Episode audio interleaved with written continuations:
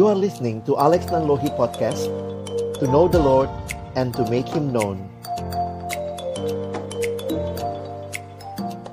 Baik, terima kasih Kak Timo. Selamat malam. Eh, kita akan berdoa terlebih dahulu sebelum kita membaca merenungkan firman Tuhan.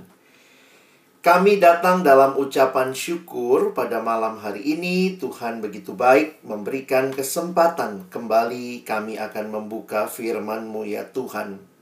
Roh Kudus yang mewahyukan firman-Mu, roh yang diam di hati setiap kami yang percaya, kiranya boleh menterjemahkan, menjelaskan setiap kebenaran-Mu sesuai dengan konteks dan pergumulan kami. Berkati hambamu yang menyampaikan dan semua kami yang mendengar. Kami mohon tolong kami Tuhan. Agar kami bukan hanya jadi pendengar-pendengar firman yang setia. Tapi mampukan dengan kuasa, dengan pertolongan dari rohmu yang kudus. Kami dimampukan menjadi pelaku-pelaku firmanmu dalam hidup kami. Dalam masa muda kami. Bersabdalah ya Tuhan, kami anak-anakmu sedia mendengarnya. Dalam satu nama yang kudus, nama yang berkuasa, nama Tuhan kami Yesus Kristus, Sang Firman yang hidup. Kami menyerahkan pemberitaan firman-Mu. Amin.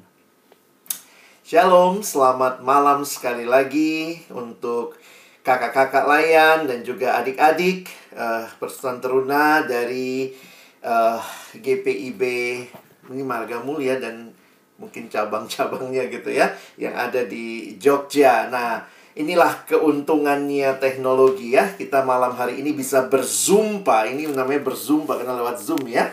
Dan melalui kesempatan ini Kak Alex ingin uh, kita sama-sama nanti melihat apa yang saya coba siapkan sebagai presentasi dan juga nanti ada kesempatan untuk tanya jawab ya. Tadi Kak Timo sudah bilang tanya apa saja. Saya akan jawab yang saya tahu ya. Oke, baik. Nah, Kales ingin kita melihat bahwa cara kita membingkai pola pikir kita berkaitan dengan pacaran ini kan satu hal yang kayaknya sangat marak di kalangan orang muda, tetapi di dalam pembahasan banyak kali kita memulai dengan berbicara what is love. Ya, apa itu cinta? Apa itu kasih? Jadi sebelum kita nantinya mau memikirkan jawabannya pacaran itu lalu bagaimana yes or no. Kak Alex tidak suka kita langsung jawab yes or no tanpa mengerti. Jadi saya mau kita punya pengertian dan dari pengertian itu nanti kita yang berusaha menjawabnya dalam konteks hidup setiap kita. Nah, saya mengajak kita akan melihat satu bagian firman yang mendasari kita yaitu 1 Yohanes 4 ayat 9 dan 10. Cuma dua ayat, mari kita lihat sama-sama.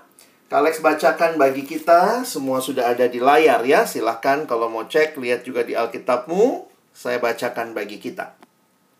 Dalam hal inilah kasih Allah dinyatakan di tengah-tengah kita, yaitu bahwa Allah telah mengutus anaknya yang tunggal ke dalam dunia supaya kita hidup olehnya. Inilah kasih itu. Bukan kita yang telah mengasihi Allah, tetapi Allah yang telah mengasihi kita dan yang telah mengutus anaknya sebagai pendamaian bagi dosa-dosa kita. Menarik sekali dunia berbicara tentang kasih tentang cinta. Teman-teman bayangkan, 90% lagu katanya di dunia ini temanya cinta. Wah, tapi jangan melulu berbicara cinta antara pasangan lawan jenis, tapi juga kan ada cinta kepada apa? Kepada orang tua, kepada sanak saudara, kepada tanah air, kepada hewan peliharaan. Jadi memang indah sekali bahwa dunia berbicara tentang cinta dan itu adalah bahasa yang universal. Tetapi hal yang menyedihkan adalah waktu dunia bicara cinta, tapi dunia tidak kenal siapakah sumber dari cinta itu. Karena itu kalau kita melihat apa yang Alkitab sampaikan, perhatikan dalam bacaan kita hari ini dituliskan inilah kasih itu. Perhatikan ayat 10. Bukan kita yang telah mengasihi Allah, tetapi Allah yang telah mengasihi kita. Jadi kita melihat bahwa Alkitab mengatakan kepada kita bahwa Allah adalah kasih dan kasih itu dimulai dari Allah. Nah, ini hal yang menarik. Kalau begitu, kalau kita mengerti bahwa Allah adalah kasih adanya, Maka waktu mau belajar tentang kasih, maka mau belajar tentang cinta, belajarnya dari Allah, jangan hanya dari drama Korea, ya. Oke, jadi kita harus mengerti bahwa Allah lah sumber kasih itu sehingga hanya waktu kita kenal Dia kita mengerti apa artinya kasih. Nah, di dalam Alkitab ada hal yang menarik. Hampir setiap kali, nanti kalian dengar baik-baik kalimat Alex ya. Hampir setiap kali Alkitab kita, khususnya Perjanjian Baru, lebih khusus lagi tulisan-tulisan Rasul Yohanes, hampir setiap kali waktu berbicara kasih, Rasul Yohanes tidak berupaya mendefinisikan kasih. Tetapi di dalam cara Yohanes menjelaskan kasih itu, Yohanes menunjukkan kepada sebuah peristiwa. Apa itu? Bukti kasih Allah, yaitu Allah memberikan anaknya. Jadi kalau teman-teman perhatikan hampir setiap kali tulisan-tulisan Rasul Yohanes bicara tentang kasih, itu bukan memberi definisi tetapi menunjuk kepada sebuah tindakan kasih yang luar biasa. Coba lihat ayatnya. Ya, coba lihat lagi ayat yang ke-9. Dalam hal inilah kasih Allah dinyatakan di tengah-tengah kita. Apa yang dia tunjuk? Allah telah mengutus anaknya yang tunggal. Perhatikan ayat 10. Inilah kasih itu, bukan kita yang telah mengasihi Allah, tetapi Allah yang telah mengasihi kita. Lalu dia tunjuknya mana lagi? yang telah mengutus anaknya sebagai pendamaian dosa kita. Ayat lain yang Yohanes tulis ada di Injil Yohanes waktu berbicara tentang kasih. Wah, ini ayat terkenal Yohanes 3:16. Karena begitu besar kasih Allah kan dunia ini, apa yang dia lakukan? Dia menunjuk kembali ke kayu salib. Allah mengaruniakan anaknya yang tunggal. Jadi, sekali lagi, mau belajar tentang kasih, Lihat yang Yohanes tunjuk. Belajarlah dari salib itu. Karena itu saya mengutip ya. Alex mengutip kalimat dari pendeta almarhum Billy Graham. Dia berkata Allah membuktikan kasihnya pada kayu salib ketika Kristus digantung berdarah dan mati. Itulah saatnya Allah berkata kepada dunia, I love you. Aku mencintaimu. Sehingga kalau dikatakan ini kalimat indah sekali ya, sayangnya memang sulit diterjemahkan. Ada permainan kata. If we are looking for a definition of love, we should look not in a dictionary, but at Calvary. Lihatlah di kayu salib di bukit Kalvari. Bukan buka kamus, tapi lihatlah tindakan kasih yang luar biasa. Wah, kalau sekarang kita ditanya, ayo dong bikin gerakan love. Langsung semua tangannya gini ya. sarangi, sarangi gitu ya. Itu kayaknya udah, udah spontan begitu ya. Tapi waktu kita mengerti Alkitab bicara kasih. Bukan ini kasih. But this is love. Kasih itu dinyatakan bagi kita di kayu salib. Allah mengaruniakan anaknya yang tunggal. Nah perhatikan Kasih itu punya arah yang menarik sekali. Ketika Kristus di kayu salib, perhatikan lagi ayat 9. Apa yang dia lakukan bagi kita? Dituliskan di ayat 9, supaya kita hidup olehnya. Kasih Allah membawa perubahan bagi kita yang mengalaminya. Perhatikan ayat 10 sebagai pendamaian bagi dosa-dosa kita. Nah, coba Kak Alex simpulkan sebentar. Kenapa kita bicara kasih Allah? Kenapa kita harus lihat kayu salib dan apa yang terjadi di sana? Allah mengaruniakan kepada kita kehidupan yang kekal, hidup yang indah. Sementara dunia berbicara kasih. Wow, banyak di mana-mana, tapi ini lokasinya dunia ya. Coba lihat. Kasih dunia hanya melulu dikaitkan biasanya cuma dengan perasaan. Kasih Allah lebih daripada sekadar perasaan, tetapi di dalamnya ada komitmen. Bukan begini ya, aduh kayaknya hari ini nggak suka deh sama kamu, aduh rasanya nggak enak deh, udahlah saya tinggalin kamu. Itu namanya perasaan memimpin. Tetapi kalau engkau dipimpin oleh komitmen, maka bagi saya komitmen lebih penting daripada sekadar perasaan. Nah, ini generasi kalian anak-anak muda ya semua lah ya kalau lagi jatuh cinta, perasaan menguasai. Tetapi pernikahan, untuk masuk ke pernikahan, kalian tidak cuma butuh perasaan, kalian butuh komitmen lebih jauh dari perasaan. Bahkan yang menarik dalam kekristenan, komitmen itulah yang harusnya dimiliki untuk membangun perasaan. Sekarang orang suka balik, perasaannya dibangun dulu baru kayaknya komitmen. Sehingga kan, kalau tidak cocok, baru merit, nggak cocok, udahlah cerai aja. Itu sedih banget. Kenapa? Kami merasa, loh perasaan jadi penentu. Nah, nggak boleh demikian ya. Jadi saya mau ajak kita lihat ya. Kasih Allah itu kasih yang luar biasa karena ada komitmen di dalamnya. Kalau orang menikah, lalu kalau tidak diikat oleh komitmen, hari ini dia lagi sebel sama pasangannya. Hmm, saya lagi nggak rasanya saya nggak senang sama dia. Gue lagi nggak suka sama dia. Ya sudah bisa ditinggal. Karena perasaan yang memimpin kalau lagi senang senang. Lagi nggak senang nggak senang. Tetapi kalau dipimpin oleh komitmen maka mau senang mau nggak senang saya tetap pasangannya. Oh, itu beda sekali. Tapi sayangnya ya sekarang tuh banyak yang nggak suka komitmennya tapi senang perasaannya gue senang banget kak deket sama dia aduh gitu ya itulah kasih kasih yang ayah begitu nah lalu egois karena kasih dunia itu sering kali gini, aku mengasihimu supaya aku dapat sesuatu. Masih lihat itu ya. Padahal kalau kita lihat kasih Allah, di kayu salib itu, apa yang Yesus ambil dari kita? Tidak. Kasih sejati, bahkan memberi segalanya buat yang dikasihi. Itu yang terjadi di kayu salib. Dia memberi segalanya bagi siapa? Bagi kita. Makanya katanya bahasa Indonesia itu paling gampang menjelaskan kasih. Coba lihat ke Alex ya Kasih itu apa katanya? Kasih itu ya kasih, ya. Nah, kasih itu ya kasih. Makanya bahasa Indonesia itu paling gampang menjelaskan what is love. Love is giving. Love itu bukan taking. Kalau kalau love itu taking, taking, taking, that is not love, that is rampoking. But love is giving. Itu yang kita lihat di kayu salib.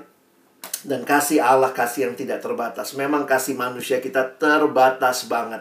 Karena itu saya makin meyakini ya teman-teman perhatikan. Karena prinsip kasih ini bukan hanya buat pacaran. Tapi seharusnya orang Kristen dituntut mengasihi Allah dan sesama seperti Kristus mengasihi kita. Berulang kali di Alkitab ada kalimat itu. Sama seperti Kristus mengasihi kita, maka kita pun harus saling mengasihi satu sama lain. Berarti kalau demikian, nah teman-teman siap masuk pacarannya? Tapi siap nggak memiliki kasih itu? Karena kalau tidak memiliki kasih seperti itu, bayangkan pacaran yang dua-duanya ternyata sedang mengambil dari pasangannya. Jadi itu yang terjadi ya itu pacaran atau saling merampok. Saya rampok apa yang dari dia, dia rampok apa yang dari saya. Jadi pasangan menjadi pasangan yang saling mengambil. That is not love. Saya ketemu dengan banyak cinta-cintanya anak muda yang sharing juga begitu ya. Di mana kasihnya itu cuma sekadar sekadar ngambil. Wah, itu jadinya ngeri banget. Satu waktu Kak Alex pimpin retret anak SMP. Saya ingat banget retret itu. Lalu kemudian ada satu anak SMP laki-laki kecil ya. Dia datang sama saya waktu kami lagi ini ya, istirahat terus dia tanya sama saya. Ini anak SMP kelas 1 ya. Itu retret kelas 1 SMP dia tanya gini. Kak Alex, boleh nggak kita pacaran? Wih, saya liatin dari atas sampai bawah gila eh celanamu aja nggak nyampe bawah gitu ya. Masih pakai celana pendek gitu ya anak SMP terus kemudian saya tanya nah kalau kita membimbing remaja ya kalian-kalian ini kalau dibimbing tuh jangan nggak boleh kakak-kakaknya jangan langsung bilang ya boleh boleh apa tidak? Saya ajak mikir dulu. Karena nanti kalau nggak dia bilang gini kata kak Alex boleh lu yang jalanin tapi bilangnya saya gitu ya. Harus punya tanggung jawab untuk keputusanmu ya. Jadi harus pikir Pikirnya apa? Saya tanya sama dia. Menurut kamu, apa tujuannya pacaran? Wah, anak SMP kelas 1 yang siap pacaran katanya. Dia bilang, tujuan pacaran itu, Kak. Saya ingat banget dengan bangganya dia ngatain. Mengatakan begini. Kalau itu, kalau kita pacaran kan, Kak, itu kan menambah semangat belajar. Heh? Kalau cuma sekadar menambah semangat belajar, minum cerebrofit, bukan pacaran. Enak aja Coba bayangkan kalau kamu orang tua, lalu kamu datang, ada pacarnya anakmu datang, Om, Tante, pinjem anaknya saya pacarin ya, supaya semangat belajar saya bertambah. Lihat nggak betapa egoisnya? Saya ngambil, ngambil, ngambil. Makanya anak remaja biasanya dibilang cintanya masih cinta, cinta monyet. Sorry, pernah lihat monyet nggak? Pernah lah ya. Jangan bilang ini kak, ini kak ada di sini, jangan ya. Nah, monyet itu senengnya makan apa? Makan pisang atau kacang. Nah, biasanya monyet itu akan pegang pisang kacang gitu ya. Lalu kemudian kalau eh bukan monyet lah ya. Kalau kita lagi makan pisang, makan kacang, biasanya di tempat yang ada monyetnya, monyet itu akan deketin kita. Wah, dia deketin, kayaknya baik banget deketin. Tangannya begini-begini. Nah, begitu dikasih, ke mana monyetnya? Pergi biasanya. Mungkin kamu bilang, monyet, please stay with me. I want to have lunch with you. Oh, kita makan bareng, monyet. Tapi itulah monyet. Begitu dia dapat, dia pergi. Makanya mungkin itu ya. Saya nggak tahu persis. Tapi mungkin itu yang dibilang cintanya anak remaja, cinta monyet. Cuman pengen sesuatu, kalau dapat, langsung pergi. Makanya, teman-teman, jangan cuma punya alasan-alasan yang dangkal. Karena itu kamu nggak siap pacaran sebenarnya. Jadi waktu saya jelasin begitu ya, saya bilang minum cara profit gitu ya. Wah ada satu anak yang dia ikut waktu kami ngobrol, tiba-tiba dia bilang gini, dasar kakak nggak ngerti anak muda. Wah dia bilang gitu ya. Terus saya bilang coba-coba kalau kamu, kalau kamu apa tujuannya pacaran? Terus anak itu bilang apa teman-teman? Dia bilang, begini kan kak, kalau kita pacaran kan kita nggak kesepian. Kita punya teman, kalau kita mau jalan ke mall, kita tinggal telepon, nanti dia datang temenin kita segala macam. Saya bilang, hey, kalau sekadar mengisi kesepianmu, bukan pacaran jawabannya. Ya, pelihara anjing gitu ya, ajak jalan ke mana begitu ya. Jadi kadang-kadang memang ngeri banget gitu ya. Katanya siap pacaran, tetapi ternyata kasihnya, kasih yang hanya mengambil, mengambil. Karena itu Kak Alex harus katakannya, kalian harus bertumbuh dalam kasih kalau kalian mau masuk relasi pacaran. Jadi kalau ditanya, pacaran yes or no? Tanya dulu, kamu bertumbuh nggak dalam kasih? Ingat, kasih sumbernya dari mana? Dari Allah. Bagaimana punya kasih itu dekat sama Tuhan? Kalau nggak dekat sama Tuhan, cuma dekat sama pacar, jangan-jangan yang terjadi bukannya kebenaran ya. Banyak orang katanya mau belajar pacaran, mau mulai pacaran, mau mengasihi, tapi nggak dekat sama sumber kasih itu. Gimana caranya? Ya, karena itu lihat, Ketika disurvei ada yang bilang tren saat ini, apa sih pacaran itu? Ada yang bilang, ya semua orang pacaran, kak malu dong kalau jomblo terus. Asik dong, ada yang nemenin ke mana-mana, kayak tadi ya. jadi satpam, jadi anjing gitu ya, sorry ya. Kayaknya kasar banget gitu. Ya kalau udah gak asik putus aja kak, serius amat sih mikirnya. Jadi pacaran itu cuma sekedar tren, punya pasangan. Wah, kolot banget gaya pacarannya, ketinggalan zaman tuh. Pacaran berdoa. Uh, pacaran baca Alkitab bareng-bareng. Apaan sih gitu ya. Banyak anak remaja senangnya cuma dengan pacaran, pacaran, pacaran. Tapi nggak ngerti apa itu pacaran. Dan nggak siap pacaran. Dan kenapa demikian? Saya pikir tidak mungkin kita tutup mata juga. Karena lihat ya. Di sekitar kita begitu banyak tren lewat film, mungkin juga lewat apalah semua hal lah ya. Media massa yang kayaknya kisah romantis yang dikemukakan buat banyak anak remaja. Wah Korea Korea itu kayaknya gitu ya. Mau setan-setan pun wah ada pacarnya gitu ya. Jadi ngerasanya wah gue kan nggak bukan setan kak gue nggak punya pacar gitu ya. Nah sementara iya itu jadi kebingungan sebenarnya di kalangan anak muda akhirnya berpikir ya udah ikutan aja gitu ya. Saya nggak tahu nih berapa banyak yang ikutan nonton karena ini lagi rame gitu ya. Kim Sun Ho dan skandalnya begitu ya. Tapi itulah realita ya. Orang-orang yang kita kagumi di satu sisi ternyata juga dalam kehidupan pribadinya bukan orang yang menjaga kekudusan hidup karena mungkin buat mereka nggak ada standar itu. Jadi teman-teman sekarang saya mau coba aja kita berpikir sebentar ada tulisan paling bawah, mana yang benar? Karena definisi pacaran itu bervariasi. Ada yang bilang pacaran itu punya teman deket yang tetap. Sama aja dengan TTM-an, HTS-an, FWB, friend with benefit, begitu ya. Bahkan beberapa anak remaja, just do it for fun. Just do it for sex. Itu banyak dalam survei ditemukan. Dan saya pikir kota besar termasuk seperti Jogja, banyak yang cuma berpikir yang penting dia bisa memuaskan hawa nafsunya. Ada lagi yang terjebak dengan friend zone, ya. Ditanya, itu pacar? Bukan sih, Kak. Tapi kenapa deket? Ya, emang kami deket gitu. Tapi kalau dia jadian, kamu yang nangis darah gitu ya. Ada tuh yang kayak gitu tuh. Jadi nggak siap berelasi. Tidak siap komitmen, tapi maunya deket. Nah, ini karena generasi perasaan.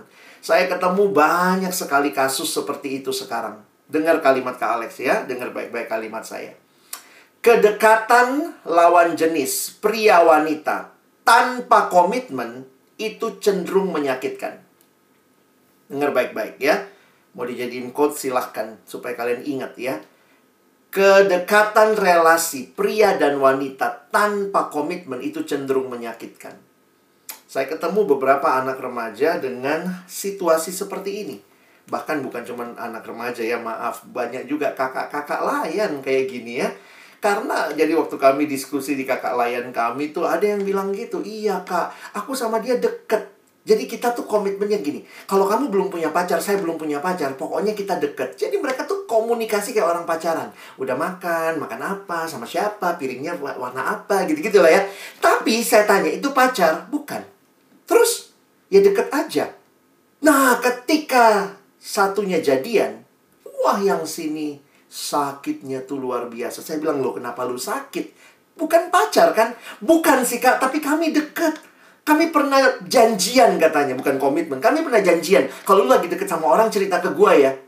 Saya bilang, tapi kalian bukan pacar. Jadi waktu dia deket sama orang, dan dia jadian sama orang lain, dia mungkin juga ngapain cerita ke kamu. Tapi kan dia udah janjian dan segala macam. Saya bilang, itulah. Kedekatan relasi pria dan wanita tanpa komitmen cenderung menyakitkan. Jadi hati-hati. Teman-teman pikir baik-baik. Apa relasi yang kamu jalani? Namanya apa relasi itu? Mesti jelas ini sahabat, maka sahabat nggak mesti tanya piringnya warna apa, makan sama siapa, anjingnya ikut makan nggak, nggak perlu. Sahabat nggak perlu nanya seperti itu. Jadi ada batasnya. Tapi kayaknya nyaman kak. Kalau mau nyaman bilang aja kita sahabat selesai gitu ya. Jadi hati-hati dengan membangun perasaan tapi nggak ada komitmen. Itu cenderung menyakitkan. Yang kedua, katanya pacaran itu relasi khusus dengan doi yang mengasihi dan dikasihi. Kita tuh sama-sama sayang kak tapi nggak perlu mikir jauh sampai pernikahan. Hah? Beberapa kejatuhan dalam pacaran justru karena ini, karena nggak siap. Tidak jelas tujuan pacarannya. Pacaran grepe-grepe, pacaran pegang-pegang. Kenapa? Ya nggak apa-apa, fun aja sih kak. Relasinya ya udah, yang penting saya sayang dia, dia sayang saya. Ya terus hanya seperti itu. Ya sudahlah, nggak usah mikir jauh-jauh. Kekristenan berkata tidak demikian. Kalau kamu mau membingkai relasi, selalu ingat ujungnya apa. Pacaran itu, nah ini yang ketiga yang benar nih ya. Pacaran itu satu langkah penting sebelum pernikahan. Wih, masa kayak gitu sih kak? Ya iya, kalau memang belum siap menikah, nggak usah juga pacaran, sahabatan aja. Kalau sudah masuk pacaran, berarti itu satu langkah penting sebelum pernikahan. Hanya dengan orang yang sudah dipertimbangkan serius untuk menjadi calon istri, calon suami, isinya apa? Adaptasi dan penjajakan terakhir. Jadi teman-teman, saya harap kita bisa paham ini. Bahwa ini bukan sekadar satu situasi biasa aja. Ya. Tapi mari bangun relasi yang sehat. Kenapa? Kalau kalian punya tujuan akhir, maka kalian akan tertolong. Makanya saya senang dengan kalimat ini ya. Dituliskan begini, mulailah dari akhir.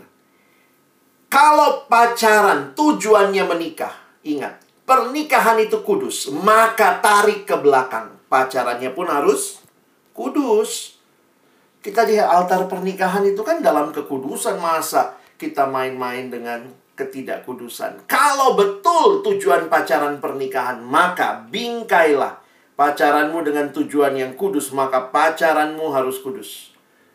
Kalau belum siap begitu ya, Kak Alex sih bilangnya nggak usah pacaran dulu. Sahabatan aja. Kalau kamu bilang, wah saya rasanya kok susah Kak ya, untuk bisa menjaga kekudusan. Beberapa orang ketika mereka datang dalam kejatuhan, saya bilang mungkin putus dulu gitu ya. Karena itu cukup mengerikan kalau tidak dibingkai dengan benar. Jadi kenapa perlu dipikirin serius? Karena jangan berpikir cuma pacarannya aja. Bagi kamu sendiri bagaimana? Apakah kamu makin bertumbuh atau makin mundur secara rohani? Kalau karena itu kamu makin mundur secara rohani, maka saya pikir tidak tidak tepat. Bagaimana dampaknya terhadap persekutuan? Teman-temanmu di sekolah, di PT, di teruna, kamu jadi teladan atau jadi batu sandungan begitu ya? Nah, ada kalimat dalam Alkitab waktu Paulus berbicara, memang konteksnya sih makanan ya.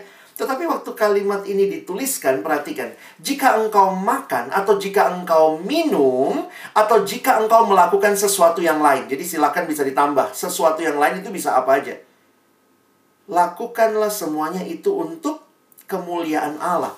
Teman-teman, Kak Alex kaget waktu baca ini. Kenapa saya kaget? Karena gini loh, kayaknya anak-anak sekarang bilangnya apa? Receh banget. Makan untuk kemuliaan Allah, minum untuk kemuliaan Allah. Masa pacaran untuk kesenangan diri? Kalau lihat ayat ini maka bingkailah bahkan pacaranmu dengan tujuan untuk kemuliaan Allah. Masa makan aja untuk kemuliaan Allah, minum untuk kemuliaan Allah. Pas pacaran untuk having sex, untuk memuaskan hawa nafsu, untuk nikmatin bisa grepe-grepean. Kalau itu tujuannya, we're missing the point. Karena itu, prinsip berpacaran. Tentunya, pertama, memuliakan Tuhan. Lihat yang tadi ya. Bagaimana itu memuliakan Tuhan? Prinsipnya sih jelas di Alkitab ya. Lawan jenis, seiman, dan saya pikir sih sekarang saya tambahin ya. Bukan cuma seiman, tapi bertumbuh nggak? Dulu Kak Alex taruhnya seiman dulu ya baru lawan jenis. Sekarang saya ubah deh. Harus lawan jenis dulu. Pastikan dulu itu ya. Lawan jenis baru seiman gitu ya. Karena ada yang datang, Kak, kami seiman, Kak. Tapi ya nggak bisa. Kamu kamu Joko, dia Tono gitu ya. Nggak, nggak bisa gitu ya. Jadi harus lawan jenis. Baru seiman dan bertumbuh. Di dalam kasih, ingat tadi ya, kasih itu apa? Kasih ya kasih. Kalau kamu mengasihi pasanganmu, maka kamu punya tekad apa? Saya akan bicara ini dalam kekudusan juga. Kenapa? Kalau saya mengasihi pasangan saya, saya akan jaga dia kudus sampai altar pernikahan. Itu namanya kasih. Dalam kasih, dalam kekudusan. Nah, jadi pertanyaan terakhir nih ya, sebelum kita nanti bisa diskusi. Lalu gimana dong kak? Kapan dong mulai pacarannya? Kapan mulai pacaran? Kalau saya berpikirnya sederhana, pacaran itu bagusnya lama atau cepat? Ya jangan terlalu lama sih kak, tapi jangan terlalu cepat juga ya. Eh, eh, kami udah mau merit kak. Hah? Kapan kenalan? Dua jam yang lalu. Eh, kecepatan ya. Kenapa? Karena pacaran itu kan untuk pengenalan ya lebih dalam. Nah, kira-kira ada yang bilang, ya mungkin kira-kira empat tahun lah kak.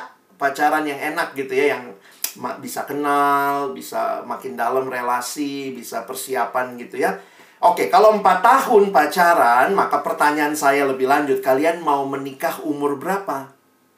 Siap menikah umur berapa? Kalau kalian sempat kuliah sesudah ini, biasanya orang selesai kuliah 22-23. Ada yang langsung bilang, ya masa langsung selesai kuliah langsung merit kan mesti persiapan dulu. Oke lah, ada yang bilang, saya siap menikah kira-kira umur 24 tahun, Kak. Ya, umur 20 eh 24 27 tahun kalau yang laki-laki. Kalau yang perempuan biasanya bilangnya 25 gitu ya. Seandainya umur segitu maaf kakak-kakak yang udah lewat ya saya nggak menyinggung siapa-siapa ya. Tapi kan biasanya orang bilangnya ya kira-kira begitu. Kalau kamu mau menikah umur 27 pacaran 4 tahun ya sudahlah nanti pacarannya kira-kira umur 22, 23 lah ya. Nggak mesti juga. Makanya kalau buat Kak Alex ya, ini pendapat pribadi ya. Kalau buat saya pribadi, anak teruna sih nggak usah pacaran dulu ya. Sahabatan aja. Eka Dwi ya udah sahabatan aja. Tapi kak, kami udah terlanjur pacaran. Kalau udah terlanjur pacaran, maka evaluasi. Kamu pacarannya jelas nggak?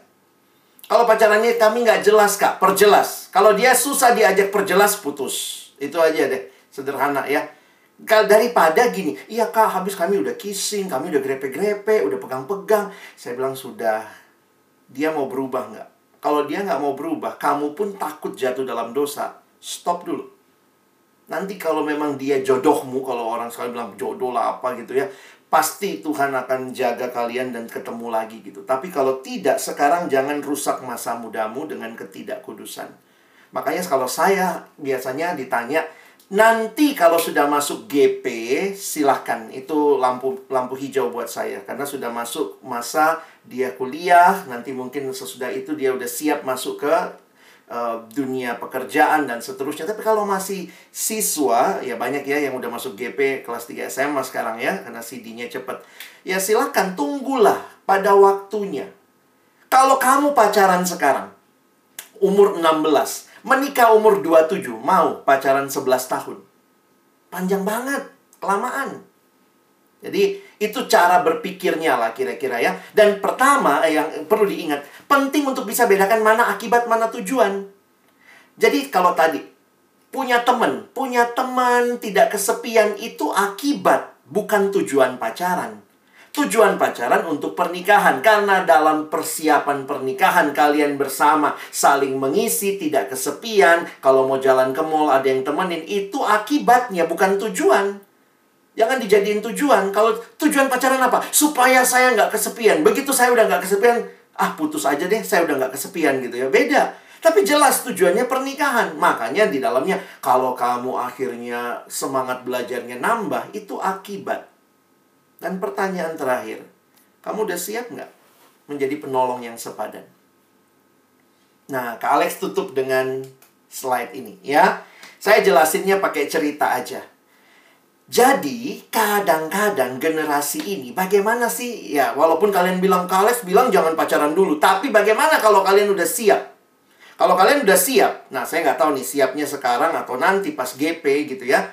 Perhatikan empat, empat aspek ini. Kadang-kadang anak muda sekarang cuman perhatiin satu aspek. Kak, gue dapet banget chemistry-nya sama dia. Kami nyambung banget, Kak. Dapet banget chemistry-nya. Jadi ada satu mahasiswa ya, ketemu saya pulang KKN. Biasa kan KKN kuliah kerja nyata satu bulan di pedalaman, di kampung. Nggak ada sinyal. Dan dia bilang, kami tuh dapet banget, Kak. Gue dapet banget kak, eh, ininya sama dia, feel-nya sama dia. Ternyata saya selidiki itu mah cinlok ya. Namanya orang di kampung nggak ada internet gitu ya, lagi kuliah kerja nyata, tiap hari ketemu dia, akhirnya lama-lama bersinar juga tuh orang begitu ya. Jadi memang perasaan itu salah satunya dibangun dengan kedekatan, relasi ketemu terus, ketemu terus. Nah akhirnya ada perasaan tuh. Nah saya bilang apakah cuman itu faktornya? Saya tanya yang kedua ya, karena biasanya dia tanya sama Kak Alex. Menurut Kak Alex gimana? Perasaannya kamu dapat, dapat kak. Karakternya gimana? Karakternya gimana? Oh, karakternya anaknya baik kok, Kak. Aduh, anaknya rajin banget. Pagi-pagi udah bangun. Wah, yang lain masih pada ngorok. Dia udah bangun loh, Kak. Aduh, gue kayak pagi-pagi tuh udah keliling desa sama dia segala macam. Gue dapet banget karakternya bagus. Oh, wah saya belum hebat juga dong. Yang ketiga, pakai akal sehat. Kamu cukup nyambung nggak sama dia? Kamu bisa bercandanya nyambung, ngobrolnya nyambung gitu ya. Pertimbangkan pro kontranya. Kata teman-teman gimana? Iya teman-teman cie-ciein kami kak. Selama di sana cie-cie gitu ya. Jadi memang kami deket gitu. Terus yang terakhir saya tanya. Jadi dia rajin ke gereja juga, ikut ke gereja juga, ikut pemuda di gerejanya. Nah itulah Kak Alex masalahnya. Dia nggak seiman. Jreng, jreng, jreng udah ngomong semua. Akhirnya ini yang Kales bilang tadi ya. Bukan hanya perasaan. Bukan hanya karakter. Karena dari dari latar belakang yang lain pun ada yang kelihatannya baik kok. Bukan hanya akal sehat nyambung semua. Tapi juga perhatikan. Dia kenal Tuhan nggak? Jadi bukan salah satu. Tapi kalau saya mau pakai ini memang jadi pagernya. Apakah empat-empatnya ini ada? Nah, mungkin itu dulu yang Kak Alex tinggalkan buat teman-teman untuk nanti kita coba masuk dalam diskusi kita. Jadi, mari kita berpikir dengan baik. Apakah kita sedang membangun relasi yang memuliakan Tuhan? Dan teman-teman, sebagai teruna-teruna, kalian yang jawab, siap pacaran nggak? Kalau belum siap nggak apa-apa. Semua pacaran biar aja. Emang kalau semua mati, kamu harus ikut mati. Enggak. Semua pacaran. Tapi kamu belum siap. Kamu bilang, no, saya mau bangun dulu iman saya, kasih saya kepada Tuhan. Saya mau bangun relasi sama Tuhan. Dan waktu saya siap, dalam waktu Tuhan saya akan mulai berpacaran. Ya, Tuhan menolong kita bikin bisa boleh uh, melihat prinsip-prinsip ini bagi kehidupan kita. Terima kasih, saya kembalikan pada Kak Timo. Oke, thank you Bang Alex. Nah, adik-adik, ya dulu zaman kakak PT nggak ada yang kayak kayak begini. Jadi, uh, ya waktu untungnya waktu itu kakak nggak pacaran karena ditolak terus. Nah, jadi kita langsung ke pertanyaan ya. Jadi kita langsung ke pertanyaan. Teman-teman akan kakak prioritaskan bagi yang mau sharing dulu ya nggak ada yang menghakimi menghakimi itu yang bikin persekutuan nggak asik ini persekutuan gitu bukan mama komplek kumpul gitu silahkan apakah di antara adik-adik dari mungkin apa yang tadi bang Alex sudah share atau pengalaman pribadi gitu. Mau nanya atau mau share butuh nasihat atau apa silahkan. Kakak tunggu deh. Berapa menit gitu untuk mengumpulkan keberanian. Ada nggak? Putri, Gava, Aurel, Kathy, Ael, Gaby, Gary, Grace, Grace, Yola, Mima, Jendri, Jose, Lili, Lisa, Marcel, Abram, Nicole, Refla, Lisa, Jordan, Tian, ada nggak yang mau ditanyain? Kakak tunggu bentar.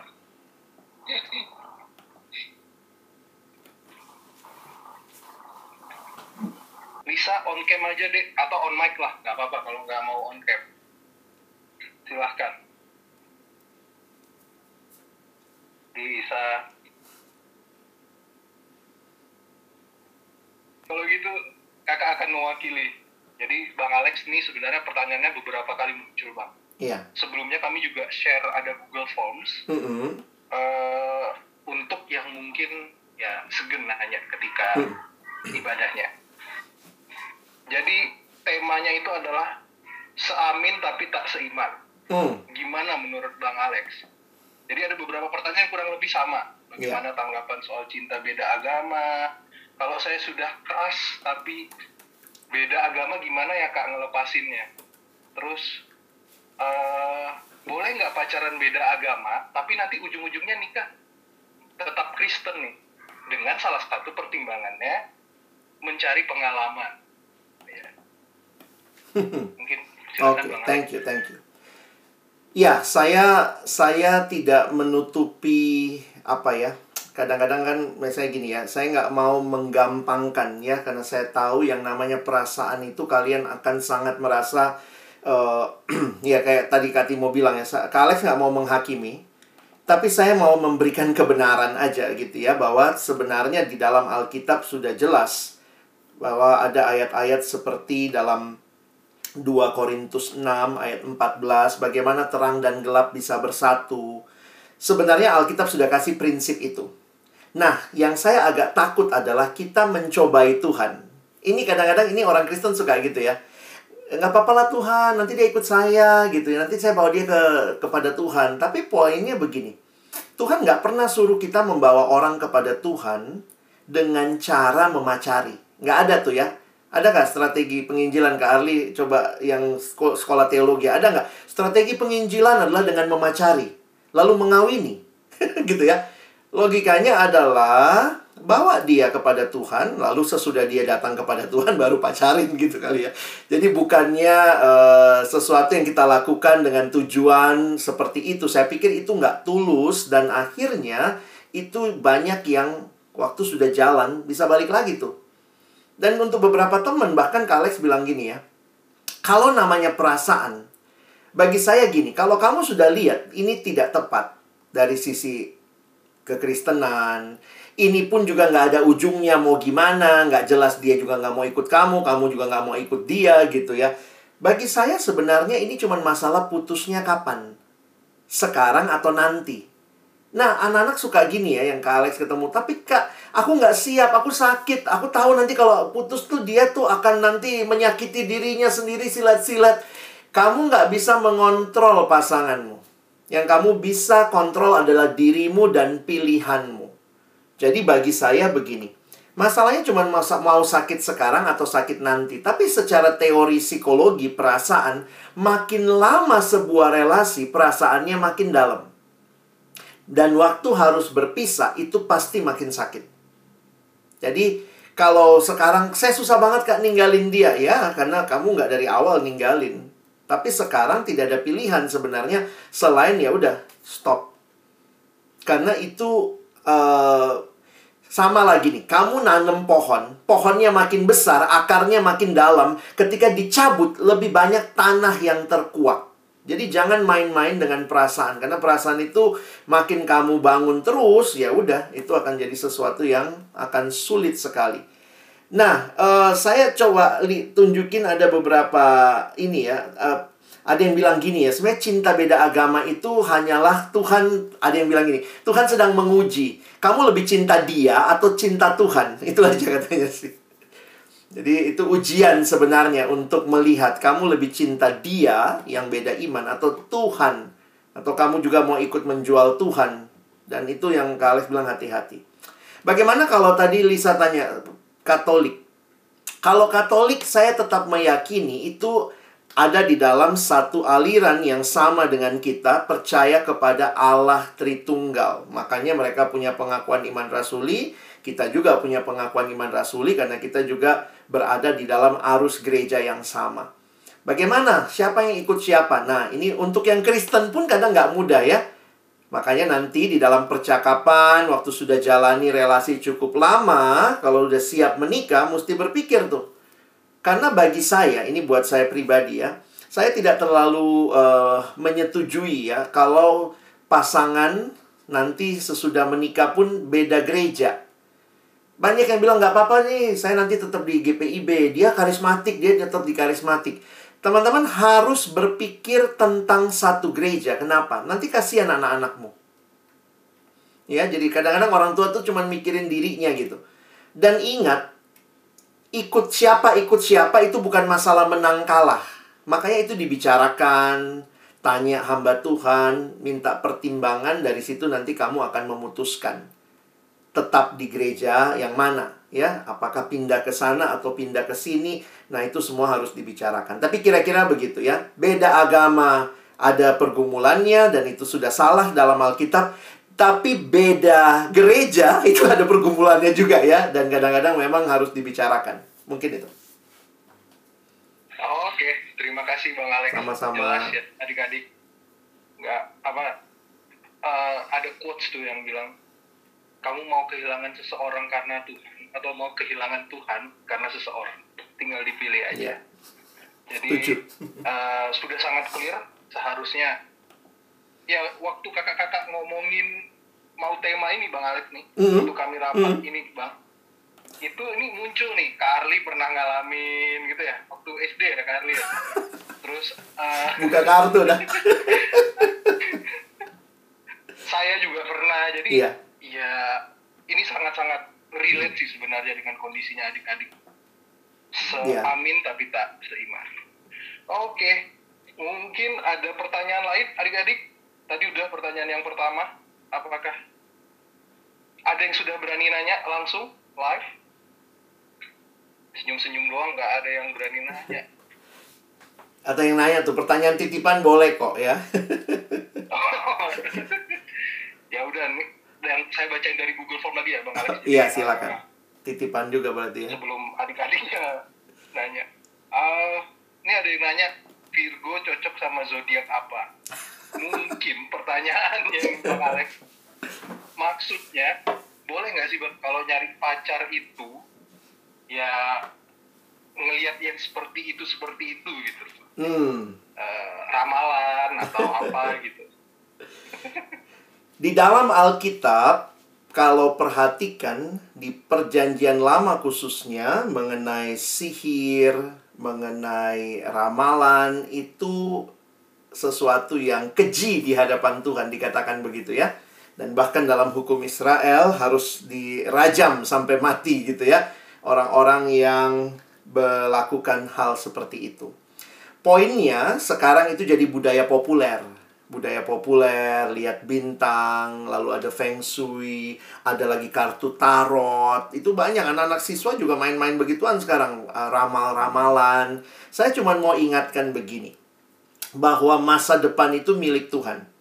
Dan kita hidup dipimpin Tuhan, bukan dipimpin bintang, ya. Sehingga kita harus melihat ya itu itu bisa jadi cara setan untuk membawa penyesatan tapi yang saya ketemu adalah begini. Ini di Amerika ya. Lucunya begini. Jadi ada satu majalah remaja populer di Amerika. Ternyata dia punya rubrik kesukaan anak remaja adalah perbintangan. Zodiak. Dan ternyata terbukalah kasusnya. Jadi ini bukan masalah setan-setanan. Makanya saya jadi geli gitu ya. Dia ternyata editornya itu setiap minggu atau setiap bulan pergi ke sekolah. Lalu suruh anak-anak remaja tuh tulis Tulis apa saja, misalnya tentang cinta, tentang baju yang dia suka. Dan teman-teman tahu, dia ambil secara random, dia masukin ke bintang-bintang itu tanpa jadi ini bukan masalah setan-setanan, itu penipuan. Dia masukin semua. Jadi dia bilang gini, beberapa remaja begitu baca, "Ih, aku banget, aku banget." Ya iya ditulis sama remaja juga. Jadi itu sebenarnya pembohongan publik begitu ya. Jadi saya harus katakan hati-hati. Baik itu bisa dipakai oleh setan atau kamu ditipu dengan segala dagang-dagang itu termasuk akhirnya kamu suka like Instagramnya dia, followernya jadi banyak lah yang kartu tarot itu saya lihat banyak banget anak remaja ikut itu. Dan ada satu remaja pernah datang sama saya, Kak Alex saya takut banget, kenapa? Dia diramal temennya di sekolah. Dan dia ketakutan karena dia hidup di bawah ramalan temennya. Aku takut banget kak kalau itu jadi kenyataan. Saya bilang, hidupmu dipegang oleh Tuhan. Jangan hidup dalam ketakutan masa depan. Orang Kristen kita punya keyakinan masa depan kita dipegang Tuhan. Tapi saya pernah diramal begini, kamu tolak dalam nama Yesus ya. Ramalan itu bisa jadi kenyataan kalau kamu juga mengikutinya. Karena dia bilang saya takut kak. Katanya saya bakal begini bakal begini. Nah kemudian dia kayak bangun hidupnya kayak begitu. Makanya benar ya kenapa Alkitab bilang hati-hati dengan ramalan. Itu sesuatu yang milik Tuhan. Masa depan itu punya Tuhan. Itu prinsip Alkitabnya. Jadi jangan termasuk pilih pasangan gitu ya. Kita nggak melihat hal-hal seperti itu. Pengenalan kita temukan waktu kita berelasi Ya, misalnya, oh dia orangnya seperti ini. Jadi jangan bilang, Virgo pasti begitu. Pisces pasti begitu. Jangan deket-deket Pisces. Dia ikan, nanti lu basah. Ya, bukan gitulah ya. Kira-kira gitu deh. Ya, setuju banget Bang Alex. Jadi ya, itu ya adik-adik ya. Cocok sama apa? Sama orang yang takut sama Tuhan. Amin. Itu yang paling cocok itu. itu yang paling cocok, betul kan? Kriteria lain. Oke adik-adik boleh loh di chat boleh kakak mulai kehabisan bahan juga nih jangan senyum-senyum dong ditanya dong apa gitu nggak ada nih Tes? ya kedengaran bisa apa oh udah pernah lagi gitu biar Hmm. mungkin adik-adiknya malu Mm-mm. kalau misalnya kita nih mau ya misalnya mau pacaran mau pacaran gitu ya Bang, Hmm. atau udah pacaran terus ternyata orang tua kita nih nggak setuju gitu Hmm. Me- melawan restu itu bang Hmm. Eh, apakah tetap dilanjutkan backstreet atau gimana nih Wah. sebagai taruna Kristen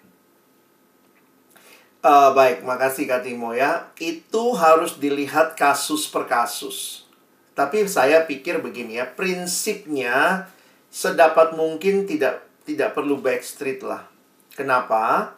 Karena waktu kita berbicara pacaran itu salah satu yang menjaga kita, saya pikir juga adalah komunitas. Di situ ada keluarga, orang tua, ada teman-teman kita. Jadi kalau Kak Alex justru menganjurkan sebaiknya kalian pacaran diketahui oleh orang-orang yang dekat dengan kalian. Ya, kakak layan, papa mama begitu ya. Nah, termasuk kalau mereka tidak setuju. Kalau ada yang tidak setuju, maka teman-teman pertama dengerin alasannya. Karena pasti ada alasan tertentu. Nah, kalau alasannya itu esensi, Misalnya orang tua nggak setuju, kenapa? Beda iman. Ya udah, bagi saya jangan dilanjutin, kita mesti ikut orang tua. Tapi kadang-kadang gini ya, ada yang nggak esensi. Jadi untuk beberapa kasus Kak Alex lihat, ada orang tua yang pokoknya nggak mau, jangan anaknya nggak boleh sama suku apa gitu misalnya. Jadi kalau udah main suku-sukuan begitu tuh kan nggak terlalu esensi. Nah, itu yang kadang-kadang saya pikir begini. Untuk konteks seperti itu, kalian harus berpikir jernih, berpikir matang, mau lanjutin atau tidak. Kalaupun tanda kutip bilangnya backstreet, bagi saya mungkin bukan backstreet ya, tapi istilahnya gini, kami jalani sambil berjuang mencari restu keluarga. Jadi sebenarnya kami rindu kasih tahu, cuma kayaknya sekarang keluarga belum siap. Jadi ya kita coba jalani, saling kenal dan saling cari kesempatan memperkenalkan kepada keluarga. Karena kalau tidak begitu nanti pernikahan itu kan masalah keluarga, ya. Jadi di Indonesia yang menikah tuh bukan cuma dua orang ya, tapi keluarganya ikutan gitu.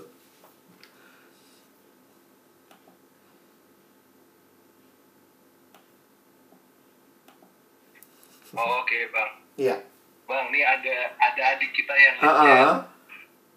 Oh, dia share ya. Nah, aku mau cerita. Mm-mm. Eh, Putri mau cerita sendiri atau kakak bacain? Oke oke. Ada adik kita yang ngechat Iya. eh, Bang Alex. Dulu ada yang pernah bilang suka sama aku, terus bikin kaget jadinya. Hmm.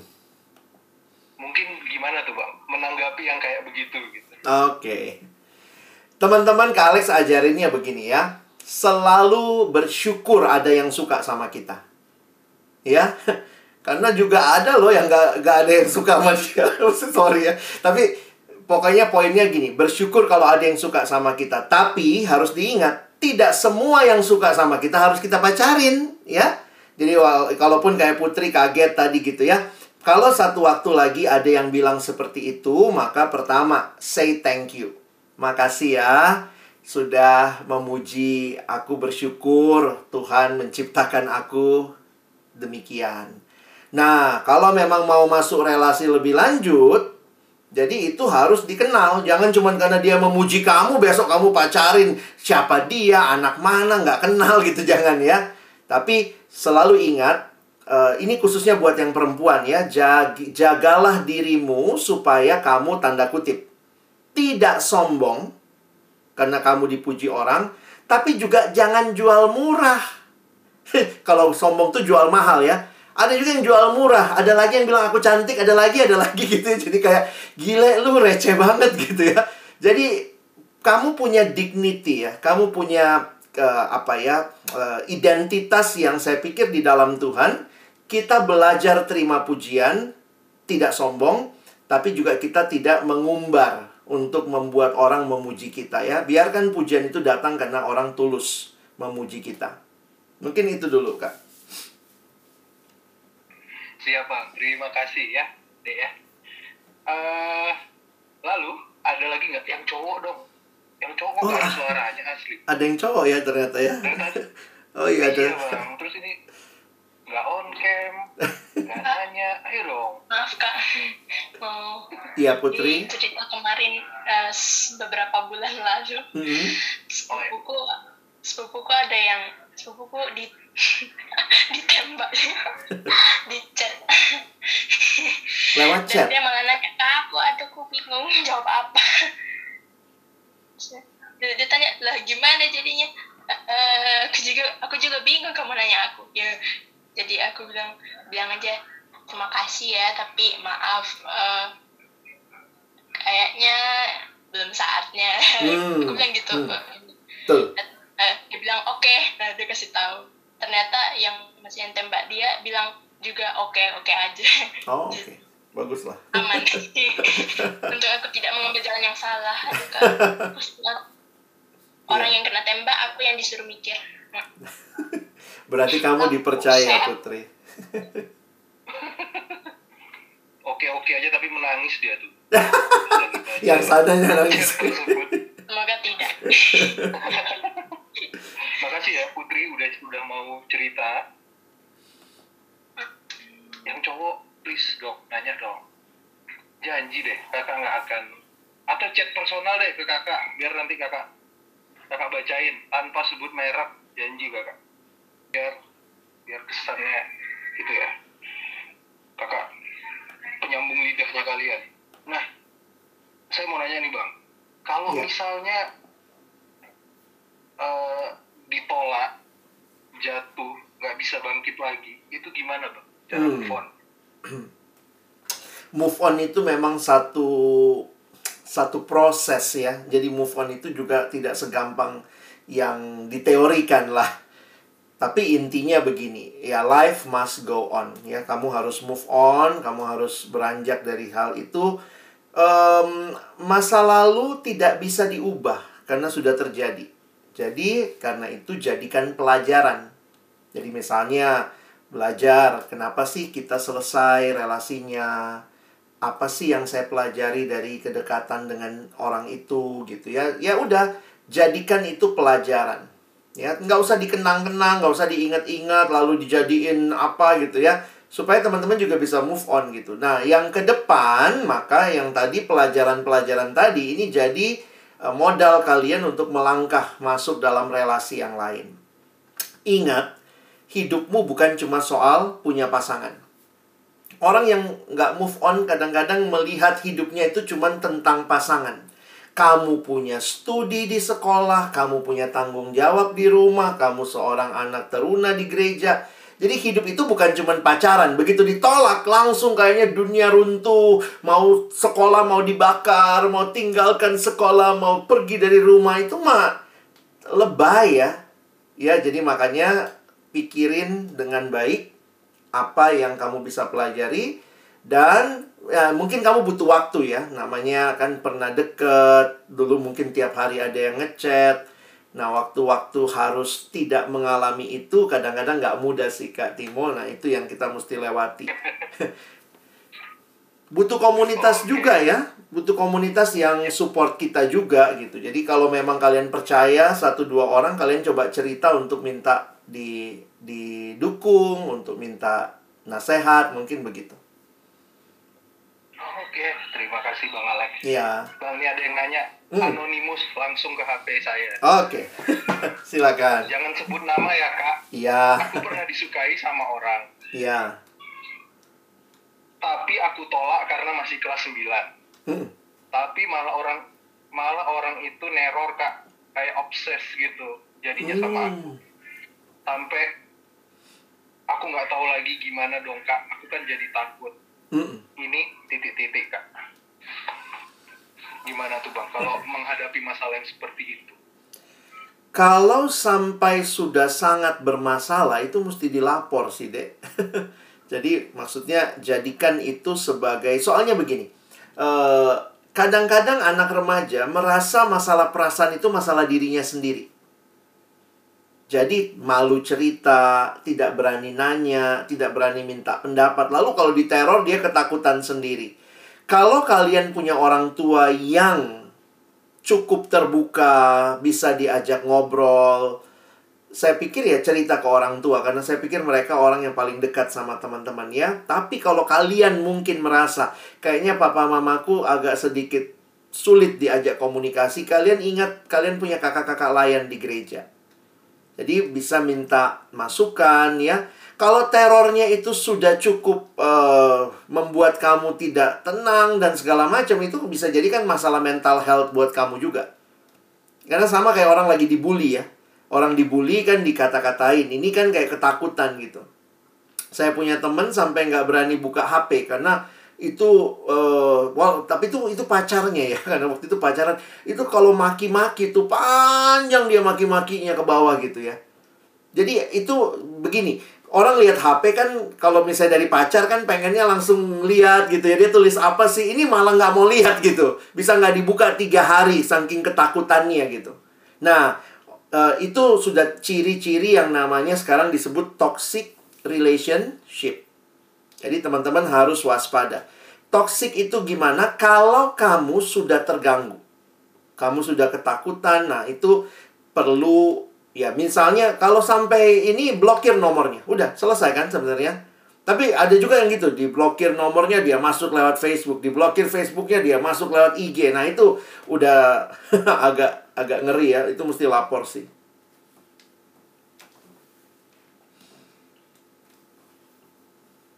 Oke, terima kasih Bang Alex. Iya. Ya, adik-adik hati-hati ya. Jadi ya, ya begitulah. Dan sekali lagi harus diingat, kamu punya kakak-kakak, kamu punya orang tua, silahkan cerita. Hmm. Ini ada yang WhatsApp saya lagi nih. Bang Alex. Kak mau curhat tapi malu. Terus nggak ada lanjutannya. Eh, terus, ya karena yang WhatsApp kakak kalau mau cerita boleh loh.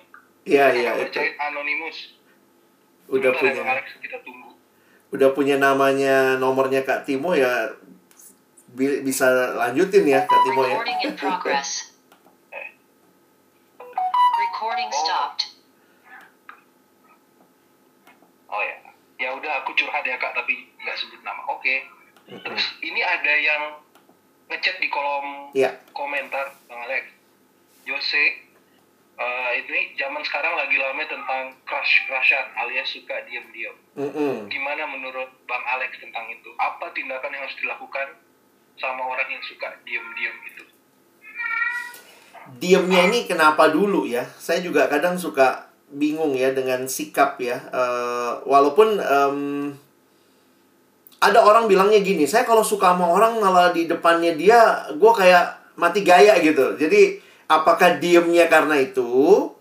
Atau memang cuman ini aja gitu, apa? Ya, aku saya nggak tahu juga ya karena film-film atau mungkin yang kalian tonton gitu ya kayaknya membuat itu jadi sebuah tren. Tapi saya ingatkan begini, relasi itu butuh komunikasi. Nah, dengan komunikasi orang jadi tahu ya, misalnya apa yang kamu mau, apa yang kamu nggak mau, apa yang kamu suka, apa yang kamu nggak suka. Makanya sebenarnya gini ya teman-teman ya, walaupun saya tahu jadi anak remaja ini nggak gampang ya. Ditanyain diem. Orang tua tanya, diem. Jawabnya ya, tidak. Jadi memang ba- banyak orang tua yang nanya gitu. Atau kakak lain juga nanya. Kita jadi nggak tahu kak, anak ini maunya apa, sukanya apa. Yang dia nggak mau apa, yang dia nggak suka apa. Kenapa? Karena diem gitu. Nah, nah saya melihat sebenarnya diam itu bukan berarti menyelesaikan masalah. ya Diam itu walaupun orang bilang suka ya diam-diaman, bagi saya nggak ada komunikasi, malah jadi blunder ya sebaiknya biasakan komunikasi, biasakan menyatakan perasaan, biasakan membuat kesepakatan. Jadi kalau misalnya gini, kita pacaran ya, nah itu membuat kesepakatan, ada komitmen. Kalau kamu pacarku, aku pacarmu, maka kamu nggak boleh buka cabang. Nanti di semua sekolah, semua kelas ada pacar dia gitu ya, nggak begitu. Ya, makanya mesti diomongkan kadang-kadang gitu ya. Kalau lihat film-film kan suka gitu ya. Habis dia nggak pernah ngomong ke aku tiap hari datang jemput tapi nggak pernah ngomong. Nah, karena yang ditunggu adalah komunikasinya. Kita ini apa? Mau dibawa ke mana hubungan kita? Lah, gitu, Kira-kira gitu deh. Siap, siap. Terima kasih Bang Alex. Iya. Ya itu ya, DM. Kalau suka ngomong, apa pun komunikasi. Lalu, Bang, ternyata yang mau curhat udah ngechat, Bang. Wah, sepanjang Saya ya. izin bacain. Iya, silakan. Izin bacain ya, Bang ya. Mm. Eh, honestly, aku dulu pernah pacaran. Udah Mhm. dulu sih. Jadi pas aku pacaran, dia kayak egois banget. Oh, Pas aku curhat, dia nggak mau dengerin aku. Aku sampai bingung. Sebenarnya yang salah itu aku karena berisik atau dia yang egois ya? hmm. Gimana, Bang Alex? Boleh tahu kah? Nggak usah sebut nama Kak Timo, tapi ini laki-laki atau perempuan yang sharing? Perempuan. Oh, oke. Alex. Namanya relasi itu perlu dibangun. Dan dibangunnya apa? Yang tadi Kak Alex bilang ya, dengan komunikasi. Dengan komunikasi kita ketemu pola namanya, pola komunikasi. Nanti misalnya yang satu lebih banyak dengar, yang satu lebih banyak cerita. Nah, komunikasi yang sehat ketika kita memahami pola komunikasi di antara kita, lalu kemudian kita coba cari titik temunya. Saya dengan istri pun waktu mulai pacaran itu punya kebiasaan yang berbeda. Saya senang cerita, istri saya yang cenderung diam. Nah, saya makin ngerti nih. iya ya, mungkin seperti teman kita, adik kita yang sharing ya. Dia itu apa sayang terlalu cerewet ya? Nah, kalau itu pacar dalam arti ya kalian pacaran yang sehat itu dibicarakan.